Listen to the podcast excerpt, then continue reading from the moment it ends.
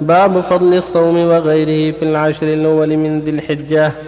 عن ابن عباس رضي الله عنهما قال قال رسول الله صلى الله عليه وسلم ما من أيام العمل الصالح فيها أحب إلى الله من هذه الأيام يعني أيام العشر. قالوا يا رسول الله ولا الجهاد في سبيل الله قال ولا الجهاد في سبيل الله إلا رجل خرج بنفسه وماله فلم يرجع من ذلك بشيء. رواه البخاري. باب فضل يوم عرفة وعاشوراء وتاسوعا. عن أبي قتادة رضي الله عنه قال سئل رسول الله صلى الله عليه وسلم عن صوم يوم عرفة. قال يكفر السنة الماضية والباقية. رواه مسلم. وعن ابن عباس رضي الله عنهما أن رسول الله صلى الله عليه وسلم صام يوم عاشوراء وأمر بصيامه متفق عليه. وعن أبي قتادة رضي الله عنه أن رسول الله صلى الله عليه وسلم سئل عن صيام يوم عاشوراء فقال يكفر السنة الماضية رواه مسلم. وعن ابن عباس رضي الله عنهما قال قال رسول الله صلى الله عليه وسلم لئن بقيت إلى قابل لاصومن التاسع. رواه مسلم. وبالله التوفيق صلى الله عليه وسلم. صلى الله وسلم على رسول الله وعلى آله وأصحابه ومن اهتدى بهداه ما بعد هذه الأحاديث تدل على فضل صيام العشر الأول من ذي الحجة. يعني التسع الأول من ذي الحجة تسمى العشر بضم يوم النحر إليها في العدد وإلا في المقصود التسع لأن يوم العيد لا يصام. وكذلك فضل صوم عرفة صوم عاشوراء كلها جاءت الأحاديث بفضلها. فتسع ذي الحجة أفضل أيام السنة كما أن ليالي رمضان هي أفضل أيام هي أفضل الليالي لأن فيها ليلة القدر. وتسع الحجة هي أفضل الأيام لأن فيها يوم عرفة ويوم النحر فيستحب صيامها والإكثار من العمل الصالح فيها من صدقات تسبيح وتهليل وتحميد وتكبير وغير هذه من وجوه الخير. لقوله صلى الله عليه وسلم ما من أيام العمل الصالح خير وأحب إلى الله من هذه الأيام العشر. غير رسول ولا الجهاد في سبيل الله؟ قال ولا الجهاد في سبيل الله. إلا رجل خرج من نفسه وماله ثم لم يرجع من ذلك بشيء. هذا يدل على فضل هذه الأيام وأنها أيام عظيمة يشرع للمؤمن الإكثار فيها من أعمال الخير من صدقات وصوم وتسبيح وتهليل وتحميد وتكبير عيادة مريض أمر معروف نهي عن منكر إلى غير هذا تستغل في وجوه الخير. وأفضلها اليوم التاسع يوم عرفة. ثم اليوم العاشر يوم النحر وهو يوم الحج الأكبر. ويوم عرفة يكفر الله بالسنة التي قبله والسنة التي بعده.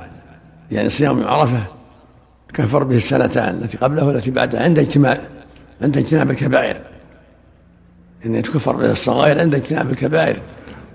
وهكذا يوم عاشوراء يستحب صيامه وكفر الله به السنة التي قبله ويستحب يضم معه التاسع حتى يخالف اليهود. ولهذا في الحديث فإن بقيت إلى قابل لا أصوم من التاسع يعني مع العاشر. فيستحب أن يصومهما جميعا أو أو العاشر مع الحادي أو كليهما مع العاشر مع التاسع والحادي جميعا ثلاثة أيام. كل ذلك حسن خلافا لليهود.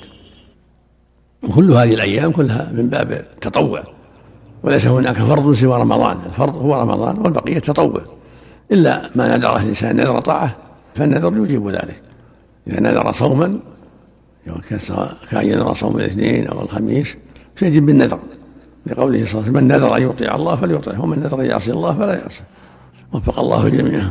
الله صام التاسع والعاشر والحادي عشر. ولا ينهى عن صيام يوم العيد؟ يكون صام يوم العيد وهو منهي عنه. لا هذا هذا في عاشوراء يصوم التاسع والعاشر والحادي عشر عاشوراء أما الحجة ما فيه إلا التاسع والثامن. يبغى يصوم يصوم مع التاسع والثامن. يوم العيد ما يصام بإجماع المسلمين. يوم النحر ما يصام لا عن فرض ولا عن نفل. هذا الكلام في عاشوراء يصوم يوما قبلها ويوما بعدها والأفضل التاسع. وإن صام الاثنين العاشر والحادي والتاسع كله طيب. نعم. أحسن الله إليك. الأحوط صيام التاسع حتى يتحرى العاشر. لا في بأس التاسع والعاشر أو العاشر والحادي عشر. لكن إذا صام التاسع هو الأفضل لأن الاحتياط فيه أكثر. يكون صادف العاشر أحسن الله قد يصادف العاشر يشد يكون معه العاشر والحادي. أحسن الله إليك. ألا يدل قوله وأمر بصيام على الوجوب؟ كان هذا في أول أمر ثم نسخ الوجوب. قال قوم من العلم لم يكتب صيامه إنما تأكد قبل صيام رمضان كان متأكدا ثم لما فرض رمضان صار صومه مستحبا بغير تأكيد. صلى الله إليك. كان عنده بعض الكبائر يصوم يوم عرفة؟ أقول من كان عنده بعض الكبائر؟ اللي عنده كبائر واللي ما عنده كبائر يستحب له صيام عرفة. كل مسلم يستحب له صيام عرفة. يخفف الله من ذنوبه عمل صالح. يدخل مع هذا أحسن الله إليك. العاصي المصر على معصيه كل مسلم كل مسلم يستحب له تطوعات ولو انه عاصي المعاصي أولى الناس بأن يحرص على وجوه الخير لعله يخفف عنه ما عنده. كثير أحسن الله اليك شرطه اجتناب الكبائر. ما تكفر الصغائر من الكبائر يقول الله جل وعلا إن تجتنبوا كبائر ما تكفر عنكم سيئاتكم يعني الصغائر فيقول النبي صلى الله عليه وسلم الصلوات الخمس والجمعة إلى الجمعة. ورمضان رمضان كفارة لما بينهن ما لم تغشى الكبائر. في اللفظ الآخر إذا اجتنب الكبائر. الله إليك أحضرنا إسناد مجيبة الباهلي أيوه اقرأ نعم اقرأ. قال أبو داود باب في صوم أشهر الحرم. حدثنا موسى بن إسماعيل. قال أخبرنا حماد عن سعيد الجريري عن أبي السليل عن مجيبة عن أبيها أو عمها. ثم ساق لفظه أنه أتى رسول الله صلى الله عليه وسلم.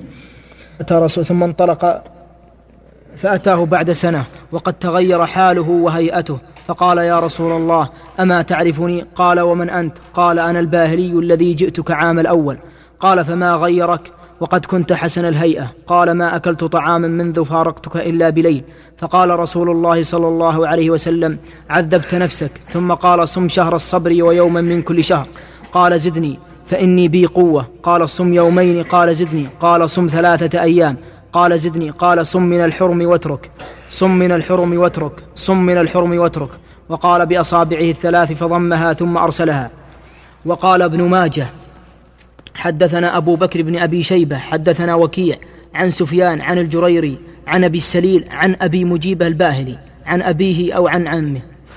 هنا قال يا شيخ عن أبي مجيبة في ابن ماجه. قال أتيت النبي صلى الله عليه وسلم فقلت يا نبي الله أنا الرجل الذي أتيتك عام الأول. قال فما لي أرى جسمك ناحلا قال يا رسول الله ما أكلت طعاما بالنهار ما أكلته إلا بالليل. قال من أمرك أن تعذب نفسك؟ قلت يا رسول الله إني أقوى. قال صم شهر الصبر ويوما بعده. قلت إني أقوى. قال صم شهر الصبر ويومين بعده. قلت إني أقوى. قال صم شهر الصبر وثلاثة أيام بعده. وصم أشهر الحرم. عن أبي السليل عن مجيبة عن أبيها أو عمها. ثم ساق لفظه أنه أتى رسول الله صلى الله عليه وسلم. أتى رسول ثم انطلق فأتاه بعد سنة وقد تغير حاله وهيئته. فقال يا رسول الله أما تعرفني؟ قال ومن أنت؟ قال أنا الباهلي الذي جئتك عام الأول. قال فما غيرك؟ وقد كنت حسن الهيئة. قال ما أكلت طعاما منذ فارقتك إلا بليل. فقال رسول الله صلى الله عليه وسلم عذبت نفسك. ثم قال صم شهر الصبر ويوما من كل شهر. قال زدني فإني بي قوة. قال صم يومين. قال زدني. قال صم ثلاثة أيام. قال زدني. قال صم من الحرم واترك. صم من الحرم واترك. صم من الحرم واترك. وقال بأصابعه الثلاث فضمها ثم أرسلها. وقال ابن ماجه حدثنا أبو بكر بن أبي شيبة حدثنا وكيع عن سفيان عن الجريري عن أبي السليل عن أبي مجيبه الباهلي عن أبيه أو عن عمه.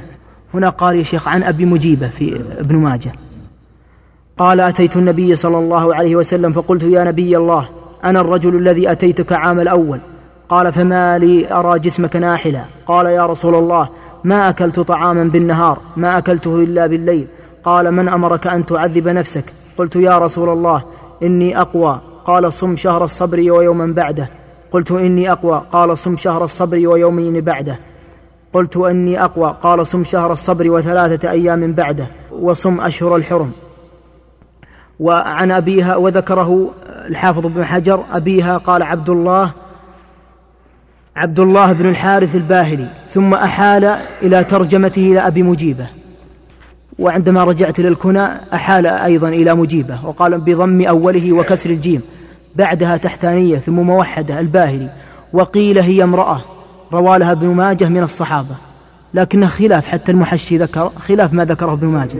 الحديث لأن إذا كانت تابعية سواء مجيبة ولا بمجيبة هو الحديث فيه علة جهالة التابعين جهالة حال التابعين. الحافظ قال وهي امرأة روى لها ابن ماجه لكن ابن ماجه ابن ماجه قال عن أبي مجيب. إيه. محتمل عندك شيء غير هذا؟ عندي في عون المعبود إيه. شرح سنن أبي داود إيه. الحاشية قال المنذري إيه.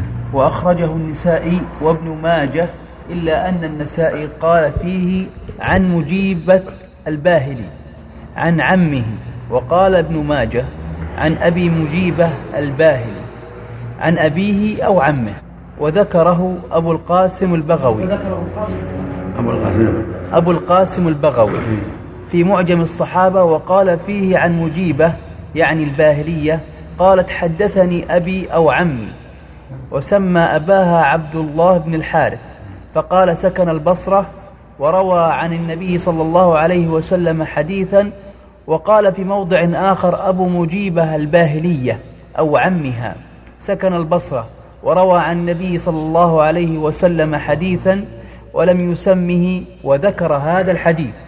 وذكره ابن قانع في معجم الصحابة وقال فيه عن مجيبة عن أبيها أو عمها وسماه أيضا عبد الله بن الحارث. هذا آخر كلامه. وقد وقع فيه هذا الاختلاف كما ترى وأشار بعض شيوخنا إلى تضعيفه لذلك وهو متوجه. ومجيبة بضم الميم وكسر الجيم. ضعيف مجيبة مجهولة مجيبة أو في أصدقاء إيه. ضعيف أبيها عبد الله بن الحارث الباهلي هو بهذا السبب ضعيف نعم. حديث مشهور في الصوم وذكره أبو عبد الله. وفيه فيه نكارة متن شهر الحرم ما جاء إلا في هذا الحديث. من حديث عصر الصيام بعد رمضان شهر الله المحرم عاشوراء بس. هذا فيه الأشهر أشهر حرم صوم من الأشهر حرم. والحديث والأحاديث الصحيحة الحث على صوم الاثنين والخميس ثلاثة أيام من كل شهر كما في حديث الله بن عمرو بن العاص وغيره. ما في ذكر الأشهر الحرم. هذه غريبة من هذا الوجه. المقصود الحديث ضعيف.